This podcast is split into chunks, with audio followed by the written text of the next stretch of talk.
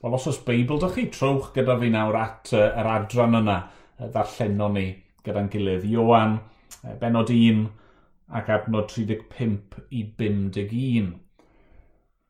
Ac os chi wedi bod yn ymuno dyn ni yn yr wythnosau diwethaf yma, byddwch chi'n gwybod ni wedi clywed lot fawr am Iesu Grist yn barod. Ni wedi dysgu pob math o bethau amdano fe. Ond i ni ddim hyd yn hyn wedi clywed ganddo fe. Ac felly o'r diwedd nawr yn yr adran sydd dan sylw bore yma, ni'n clywed llais yr Iesu. Ni'n clywed geiriau yr arglwydd Iesu Grist ei hun. Ac, wel, wrth gwrs, be bynnag chi'n meddwl am Iesu, pwy bynnag i chi'n credu uh, yw e, mae e yn cael ei ystyried yn un o'r, or athrawon mwyaf a fi erioed mae'n cael ei weld fel un o'r bobl mwyaf dylanwadol nath erioed gerdded ar wyneb deiar. A felly bysach chi bron yn disgwyl bod y geiriau cyntaf allan o geg Iesu. Um, y geiriau cyntaf mae'r apostol Ioan eisiau cofnodi ar ein cyfer ni. byddwch chi bron yn disgwyl bod nhw'n eiriau mawr a pwysig a grymus a, a syfrdanol. Ond a dweud y gwir, mae'r mwyafrif o'r geiriau cyntaf sydd dyn ni fan hyn, yn yr adran yma, maen nhw'n bethau ddigon syml yn dyn nhw. Beth yr ydych yn ei geisio?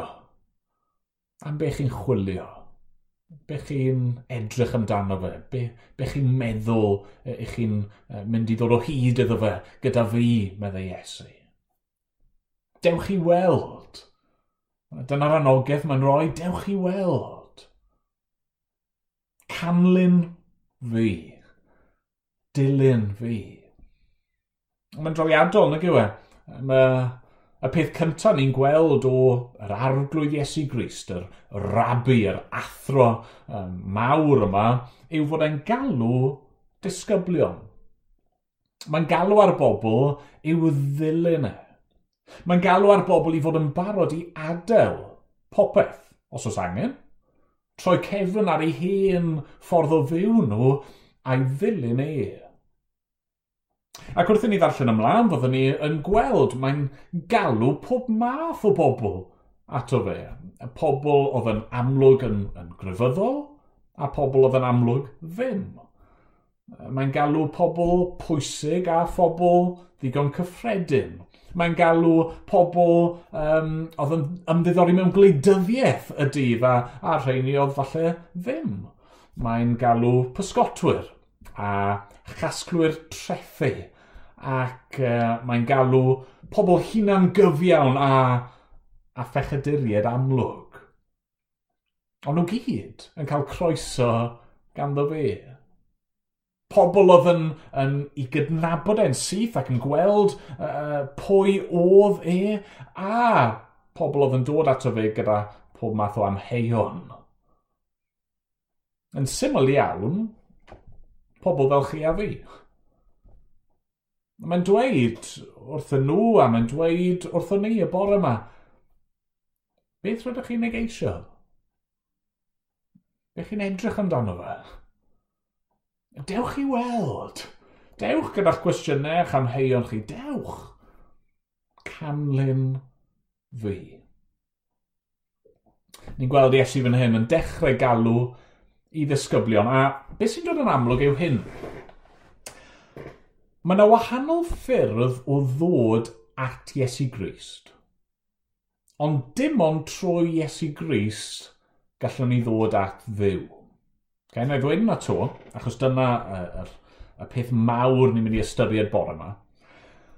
Mae yna wahanol ffyrdd o ddod at Iesu, ond dim ond trwy Iesu gallwn ni ddod at ddiw.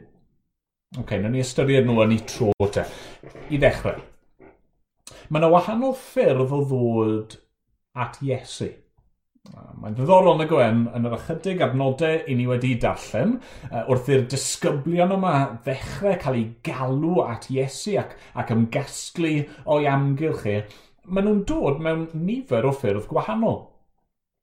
Dweud y gwir, mae yna bedwar ffordd amlwg mae yr disgyblion yma yn dod i ddilyn Iesu. Mae'r ddau gyntaf yn dod trwy bregethu yn dydyn nhw. Iwan 1, adnod 35. Tranoeth roedd Iwan Fydyddiwr yn sefyll eto gyda dau o'i ddisgyblion, ac wrth wylio Iesu'n cerdded heibio meddai, dyma oen diw. Clywodd ei ddau ddisgybl ef yn dweud hyn, ac eithant i ganlyn Iesu.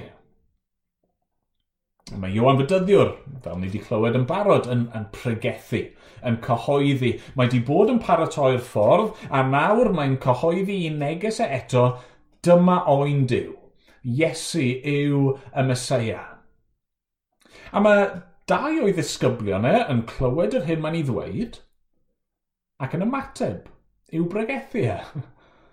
Mae'r ddau ddisgybl yma oedd wedi glynu wrth Iwan fel yr un oedd yn paratoi'r ffordd, a maen nhw nawr yn clywed Iwan yn pwyntio at Iesu ac yn dweud dyma oen diw a felly yn ddigon naturiol maen nhw'n gadael Iwan ac yn mynd i'w ddilyn e.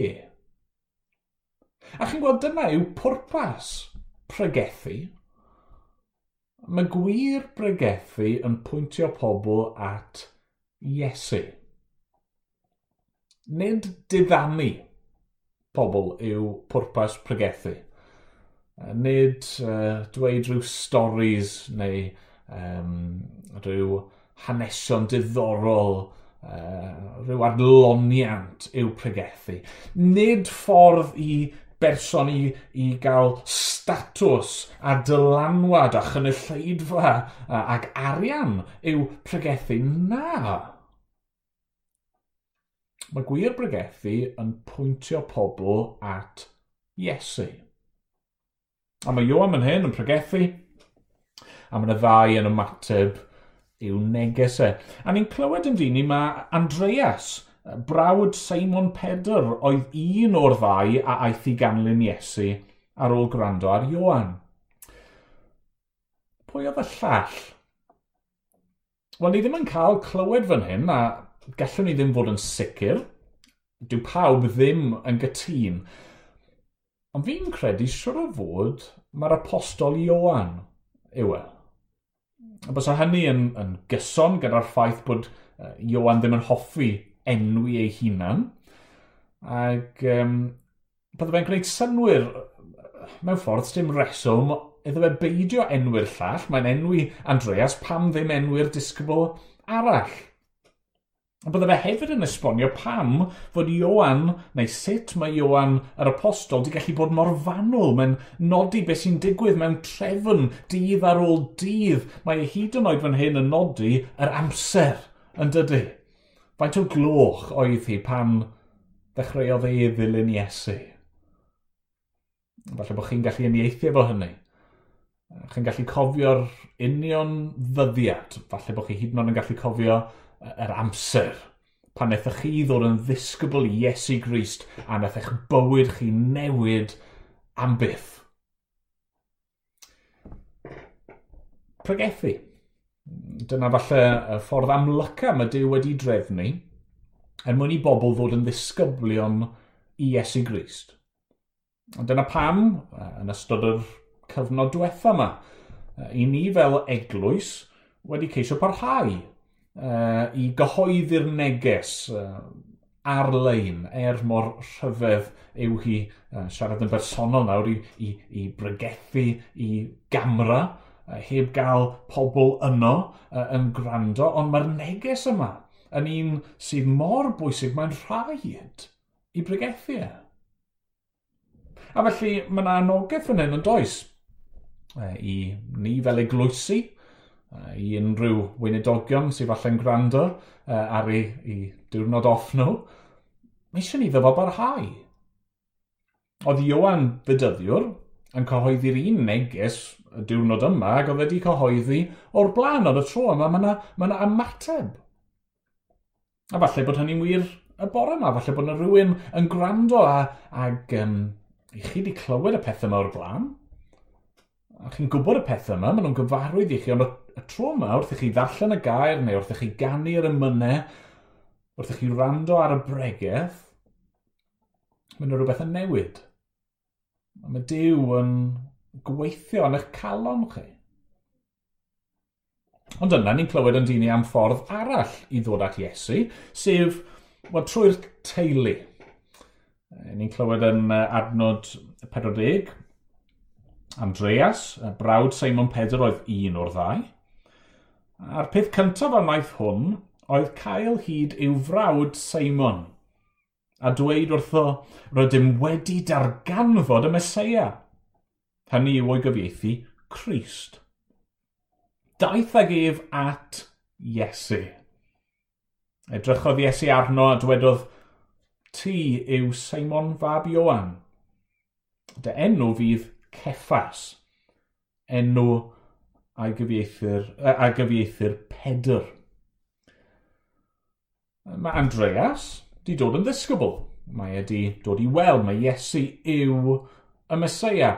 A felly, yn ddigon naturiol, y peth cyntaf mae fe eisiau wneud yw mynd a, a dweud wrth y rheini mae'n i caru.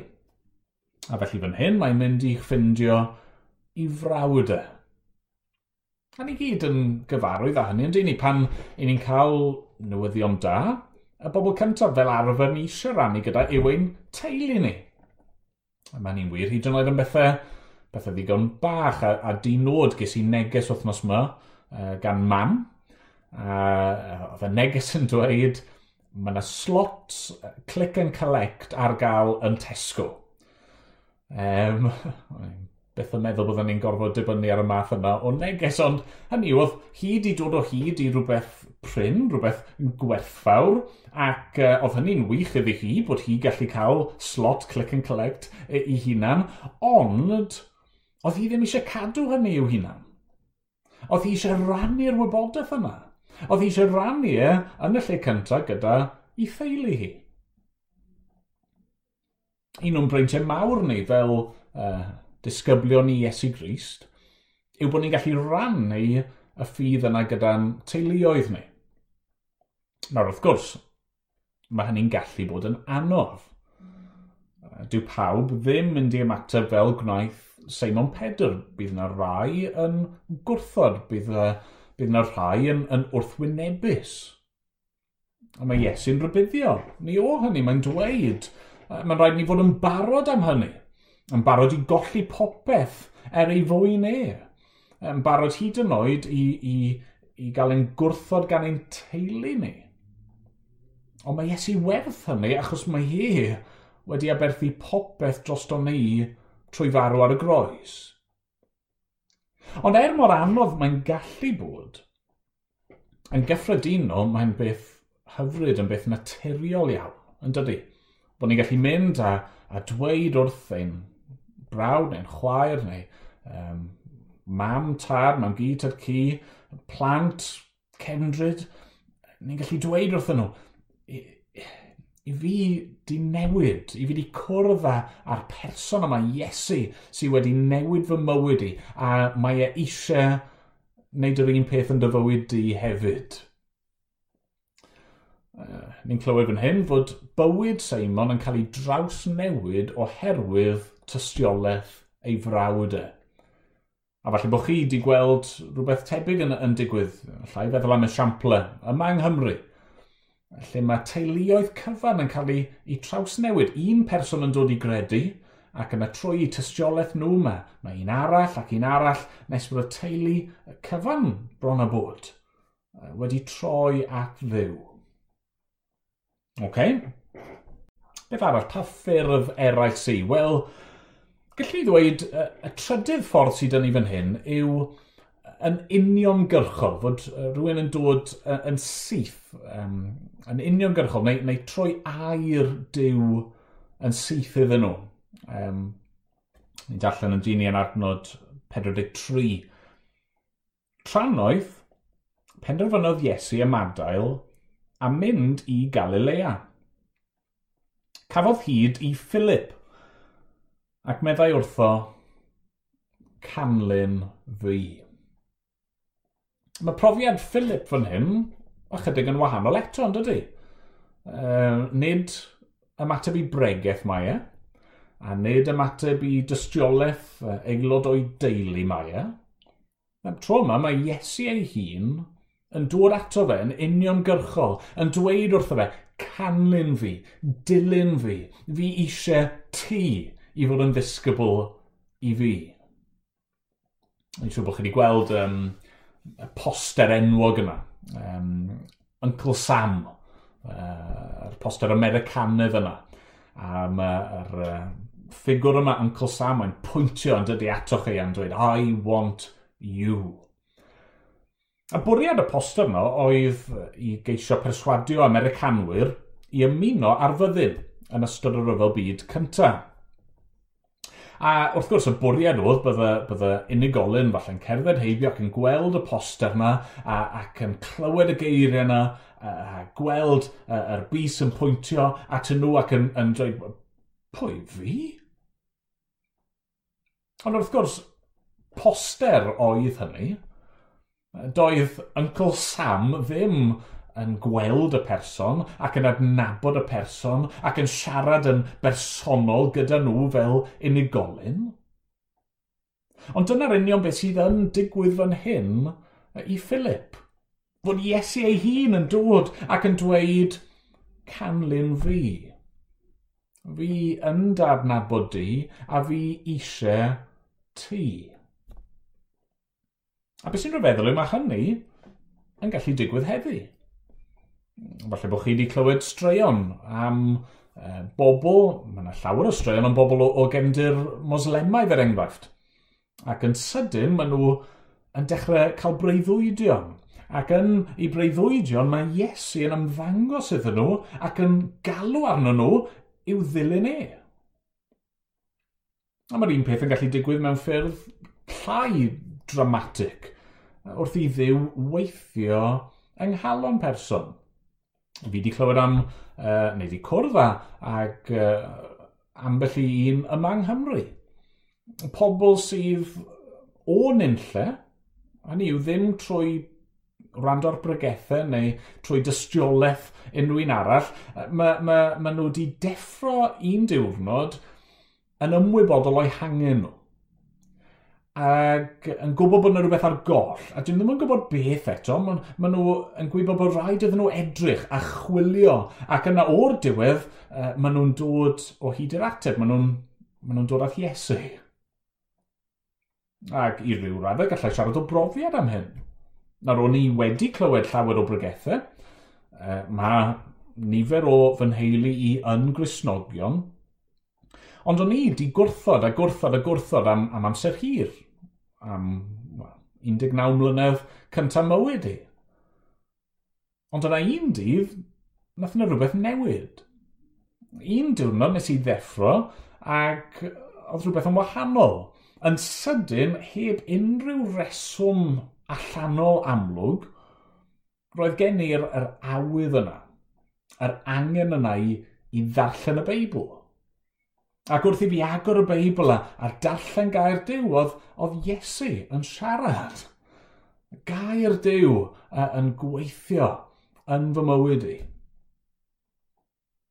Ac wrth gwrs, y gwir yw, pob tro mae unrhyw un yn agor o Beibl ac yn darllen gair Dyw, mae Iesu ei hun yn galw arnyn nhw, yn galw arnoch chi, canlyn fi. Falle mae dyma pam i chi'n grando'r bore yma. Chi ddim cweit yn siŵr sut mae wedi digwydd, ond rhywsut neu gilydd i chi wedi ffindo'ch hunan yn, yn, yn gwrando heddi neu yn gwrando'n gyson ar y roed fawn yma. Ac yn y gorffennol, i chi ddim, ddim wedi bod ag unrhyw diddordeb yn y pethau yma, o, ond, ond mae yna rhywbeth wedi newid a, ac uh, yn sydyn iawn i chi'n teimlo, chi eisiau gwybod mwy, chi eisiau gwybod mwy am Iesu. Falle bod chi'n clywed i laesau nawr. Canin fi. Yna mae yna un ffordd arall sy'n cael ei roi ni fan hyn, sef trwy ffrind. Mae Philip yn ymateb i alwad Iesu, mae'n dechrau dilyn Iesu, ac yn syth mae un rhedeg i chwilio am ei ffrindau. Nathanael, ni'n clywed yn uh, adnod 45 Cafodd Philip hyd i Nathanael a dweud wrtho, Rydym wedi darganfod y gŵr yr ysgrifennodd Moses yn y gyfraith amdano, a'r proffwydi hefyd, Iesu, fab Joseph o Nazareth. Nawr wrth gwrs, mae yna rhywbeth tebyg fan hyn i'r ail ffordd welon ni. Ond mae'n bwysig bod ni'n nodi hyn hefyd dim dilyn Iesu a bod yn ddisgybl i Iesu ddim yn rhywbeth preifat. Dwi ddim yn rhywbeth sydd i fod i gael ei gadw yn, yn y catre a dim ond cael ei rannu gyda ein teuluoedd ni. Na, ddim o gwbl. Dyma'r newyddion gorau erioed, y newyddion bwysica erioed, a felly dylse fod rhywbeth yno ni sydd eisiau ei rannu gyda, gyda phawb gyda ein teuluoedd ni, ie, ond hefyd gyda ein ffrindiau ni. Ac a dweud y gwir, dylsa ni fod eisiau rannu hyd yn oed gyda'n gelynion ni. Dyna nath Iesu dros o ni, ond tra bod ni yn elynion iddo fe, fe aeth e i'r groes er mwyn ein hachub ni. A felly nawr mae'r cariad yna i ni wedi brofi mor fawr. Dylse fe fod yn gorlifo allan fel bod ni eisiau dweud wrth, wrth bawb. A felly mae Philip yn, yn mynd, yn dydy, a mae'n mae nôl uh, ei ffrindau Nathanael, a, ac er fod Nathanael yn ansicr, yn amau, mae'n cwestiynu, yn dydy, uh, a all dim da ddod o'r Nazareth. Dwi'n e bron methu credu fod e'n bosib Mae Philip yn dweud, wel, well, tyrd, der ei weld. A pan mae e yn dod, Nathanael, yr un yma sy'n llawn am heiaeth, mae Iesu'n ei groesawu e. Mae Iesu'n dyfynnu uh, fan hyn o salm e, uh, 32 ac adnod 2. Gwyn ei fyd y sawl, nad yw'r arglwydd yn cyfrif ei fai yn ei erbyn, ac nad oes dichell yn ei ysbryd, uh, neu na beth twyll uh, e, ynddo. A mae Iesu'n gweud, yn dydy, ti, ti yw yn union beth ddylse pobl Israel fod. Ti uh, yn dod gyda, gyda ie falle amheuon, ond meddwl agored. Ti'n dod uh, yn ymwybodol o dy angen di. Ti'n dod gan chwilio am y gwirionedd Ysdym twyll yno ti, ti eisiau, um, ti eisiau dod at y gwir. A dyma fi, meddai Iesu. Felly, dyna ddechrau casglu y disgyblion a wrth gwrs mae yna ma fwy i ddod, mae yna fwy hyd yn oed o, o apostolion, yr, yr disgyblion agosaf yna i ddod. Ond yn barod, ni'n cael blas yn dyn ni ar mor wahanol i nhw. Um, mae ydych chi'r cymeriadau gwahanol yma. Mae nhw gefndiroedd gwahanol. Dyn nhw ddim y math o bobl byddwch chi'n disgwyl, ydyn nhw, os ni'n onest. Dyn nhw ddim y math o bobl byddwn ni yn disgwyl i Iesu eisiau fel disgyblion. Dyn nhw ddim, dyn nhw ddim yn A-team ydyn nhw, dyn nhw'n uh, Justice League neu'n Avengers neu pa bynnag tîm i chi'n gallu uniaethu efo. Um, dyn nhw ddim y bobl byddwch chi a fi falle eisiau galw. Ond, dyma yw y rhai mae Iesu yn gwahodd, achos mae'r gwahoddiad i bawb. Unrhyw un sy'n barod i gredu. Pam? Wel, yr ail beth, a byddai'n fyrach fan hyn, ond yr ail beth i ni'n ei weld yma yw hyn. Dim ond trwy Iesu gallwn ni ddod at ddiw. Hynny, mae yna llawer o ffyrdd y gallwn ni glywed am Iesu a dod i gredu yn yr arglwydd Iesu Grist, ond dim ond trwy Iesu gallwn ni ddod at ddiw. Sdim ots pwy ydyn ni cyn dilyn Iesu. Achos dim ond trwy Iesu mae pawb yn dod i berthynas gyda Dyw. A ni'n gweld y, y pwynt yma yn, yn dod i'r amlwg, wel, mae'n nifer o ffyrdd, yn dyn ni. Uh, ni'n clywed uh, Iesu yn cael ei gyfeirio ato fel, fel oen diw, yr un sy'n cymryd ymaith bechod y byd. Ni'n clywed mae fe yw y Mesoea, yr eneiniog, yr brenin o diw wedi addo. Ni'n clywed yn adnod um, 45 mae fe yw'r gŵr yr ysgrifennodd Moses yn y gyfraith amdano a'r proffwydi hefyd. Ni'n clywed uh, cyffes Nathanael yn adnod 49. Ti yw mab Dyw. Ti yw brenin Israel. A felly, yr pwyslais yna o hyd yw, fe yw yr un sydd wedi cael ei afo. Fe yw yr un oedd Dyw wedi um, i drefnu er mwyn dod â ni ato fe.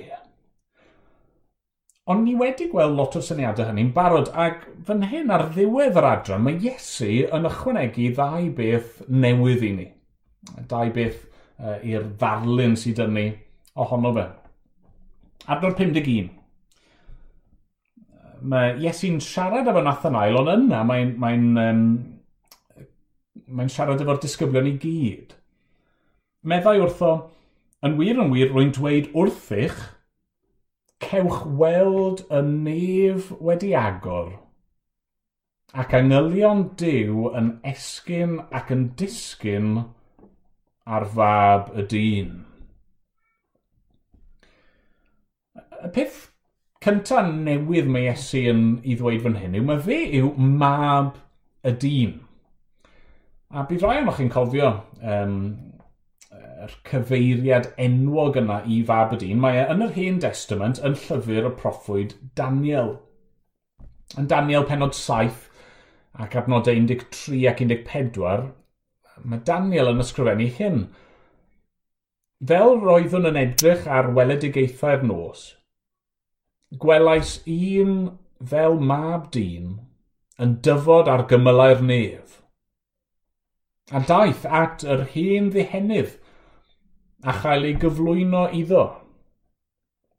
Rhoddwyd iddo arglwyddiaeth ac ogomniant a brenhiniaeth i'r holl bobloedd o bob cenedl ac iaith ei wasanaethu. Y mae ei arglwyddiaeth yn dragwyddol a digyfnewid a'i frenhiniaeth yn un na ddinistrir. Felly mae Daniel di cyfeirio fan at, at yr, yr person yma sydd i ddod. Yr ffigwr yma, mae'n cael ei alw'n yn fab dyn, sydd yn dod ac ac yn nesau at ddiw y tad. Mae'n cael ei gyflwyno i'r tad ac uh, mae mab y dyn yn mynd i dderbyn brenhiniaeth ac awdurdod dros bawb a phopeth am byth.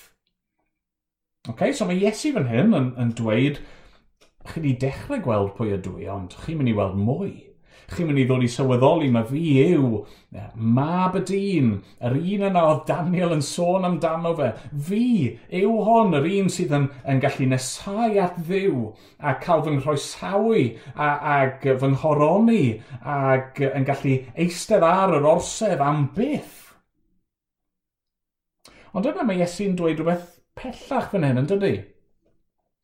Mae'n dweud, cewch weld y nef wedi agor ac yn ylion Dyw yn esgyn ac yn disgyn ar fab y dyn, ar beth yn y byd mae hynny'n ei olygu. Wel, i ddeall hyn, mae'n ma rhaid i ni droi nôl eto i'r Hen Testament, ond troi at Genesis penod 28. Ac yn y rhan yma o Genesis, ni'n cael hanes Jacob. Nawr, chi'n cofio, oedd Dyw wedi dewis well, teulu eh, Abram Isaac a Jacob er mwyn bendithio'r byd trwyddyn nhw. Okay? Ac oedd Dyw, wel, di newid enw uh, Jacob i Israel. Oedd Jacob uh, yn un oedd yn llawn twyll a, a dichell. Oedd e'n wahanol iawn mewn ffordd i Nathanael, yr Israeliad gwerth yr enw. Ond uh, oedd Jacob yn dwyllwr ac oedd e wedi twyllo i frawd ei hun esau a di gorfod ffoi redeg am ei fywyd rhag bod esau yn ei lafa. E. Ac yn Genesis 28 ni'n darllen hyn, adnod 11 ymlaen, Daeth i ryw fan ac aros noson yno gan fod yr hael wedi machlyd. Cymerodd un o gerig y lle a'i gosod dan ei ben a gorweddodd i gysgu yn y fan honno.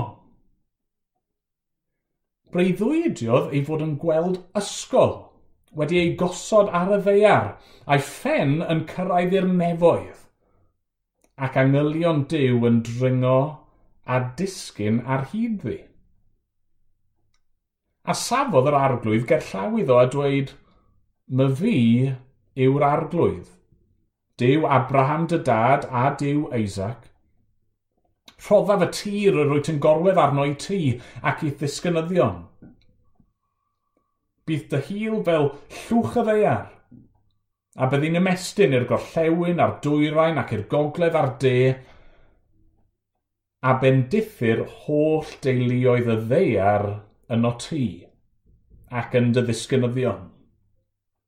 Wele yr wy fi gyda thi a chadwaf di ple bynnag y rei, a do fath i'n ôl i'r wlad hon, oherwydd nith adawaf nes i mi wneud yr hyn a ddywedais.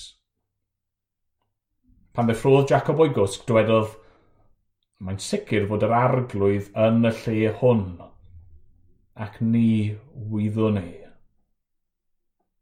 Mae Jacob yn cysgu ac mae'n breuddwydio a mae'n gweld y, yr peth rhyfeddol yma, yr ysgol uh, enfawr yma sydd yn ymestyn o'r ddeiar i'r nefoedd e, efo angylion yn, yn mynd lan a lawr arni. Hynny yw ysgol sydd yn cysylltu dew a dynion. A mae dew yn dweud wrtho fe i fi gyda thi. Fi wedi dy ddewis di i fi mynd i fendithio'r byd trwy o ti. Fi ddim yn mynd i dy adael di, i fi mynd i aros gyda thi. Am beth? Jacob, y twyllwr, yr un oedd di gwneud cymaint o gamgymeriadau, di methu mewn cymaint o ffyrdd. Ond mae Dyw yn dod ato fe ac am yn ffordd hynod o, o bwerus ac eto mewn ffordd hynod o, o rasol a, a, a thyner yn dweud i fi gyda thi. Mae yna ffordd i bobl pechadurus fel ti i ddod at y fi. A chi'n gweld nawr fan hyn, Iwan, penod un, mae Iesu yn dweud wrth i ddisgyblion, fi yw e. Fi yw yr ysgol yna, welodd Jacob. Fi yw yr un sydd wedi dod i gysylltu nefoedd a deiar. Fi yw mab y dyn, yr un sy'n heiddi dod at y tad, ond fi hefyd yw y diw ddyn sydd yn mynd i ddod â chi at ddiw hefyd. Fi gyda chi. Fi wedi'ch dewis chi. Fi'n mynd i fendithio y byd trwy chi. Peidiwch ag ofni. Mae yna hanes uh, eto yn yr Hen Testament am bobl yn trial adeiladu tŵr i gyrraedd y nefoedd, tŵr Babel.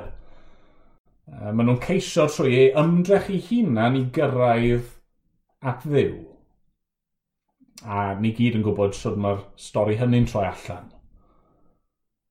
A mor aml i ni yn gallu gwneud yr un fath. I ni'n ceisio um, adeiladu tŵr neu codi ysgol uh, at ddiw. Ond mae'n anobeithiol trwy ein gallu yn hunain, trwy'n ymdrechion yn hunan, trwy ein daioni yn hunan, i ni fyth yn mynd i gyrraedd at ddew. Os i ni'n meddwl bod ni'n gallu, wel, ni jyst yn mynd i fethu, ond i ni methu bod yn ddisgyblion felly i Iesu. Achos mae Iesu'n dweud, os ych chi eisiau dod ato fi a fy nilyn ni, chi'n gorfod derbyn mae fi yw yr ysgol. Fi yw y ffordd at ddew. Trwy fy mywyd perffaith i a fy aberth drostoch chi ar y groes a, ac, wel ie, trwy ei atgyfodiadau e ar y trydydd dydd, mae Iesu wedi gwneud popeth sydd ei angen i ddod â ni at ddew. Chi'n gweld bore yma, stym ots siwr wnaethon ni glywed am Iesu, Siwyd i ni wedi dod i adnabod Iesu, sdim ots os yw'r broses wedi bod yn un hir dros gyfnod o wythnosau, neu misoedd, neu blynyddoedd, neu wedi uh, bod yn un byr. Ysdim ots os um, yw Dyw wedi bod yn gweithio yn eich bywyd chi trwy uh, bregethau, neu trwy ddarllen y Beibl, neu trwy ffrind neu aelod o'ch teulu yn siarad ac yn rannu dy chi. Sdim ots beth yw'ch cefndir chi, sdim ots beth yw'ch hanes chi, sdim ots beth yw'ch um, amheion chi. Mae, mae pob un ohonon ni'n dod at ddiw yn yr un ffordd, sef trwy Iesu Grist. A felly, wel, siwr bynnag mae Dyw wedi bod yn gweithio yn eich bywyd chi yn y gorffennol, sydd bynnag mae'n gweithio yn eich bywyd chi y bore yma, mae'n dweud wrthych chi nawr, beth rydych yn ei geisio? Chi yn edrych, chi yn chwilio am rhywbeth. Dewch i weld. Dewch, falle bod chi ddim yn siŵr eto, dewch chi i weld mwy, dewch chi um, ddarllen mwy, dewch chi glywed mwy. Canlyn fi dilynwch Iesu er mwyn ei enw e. Amen. Amen. Wel, diolch i ddew am ei air e.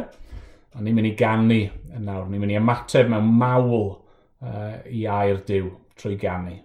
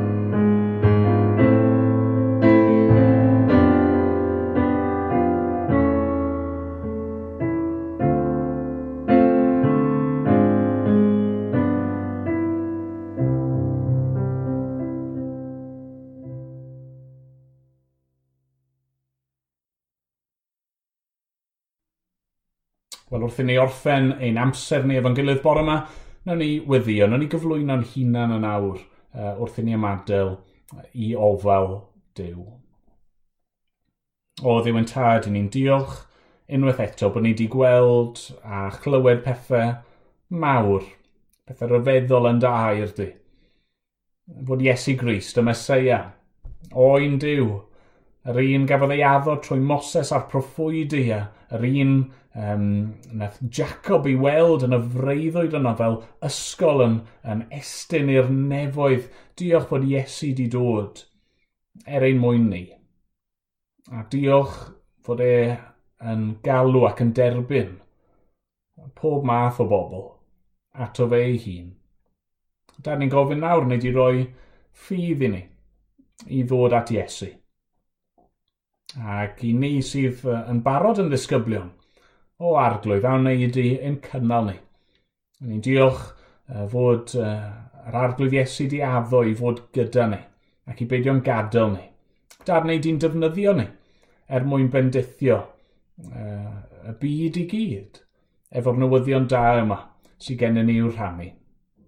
O arglwydd yn diw, derbyn ein mawl ni a'n diolch ni yn awr A ni'n gofyn yn dy ras wneud i warcho drosto ni yn gorff ac yn enaid os gweli di fod yn dda. A mynd bod ni'n gofyn yn enw ac yn heiddiant ein harglwydd ni, Iesu Grist. Amen. Amen.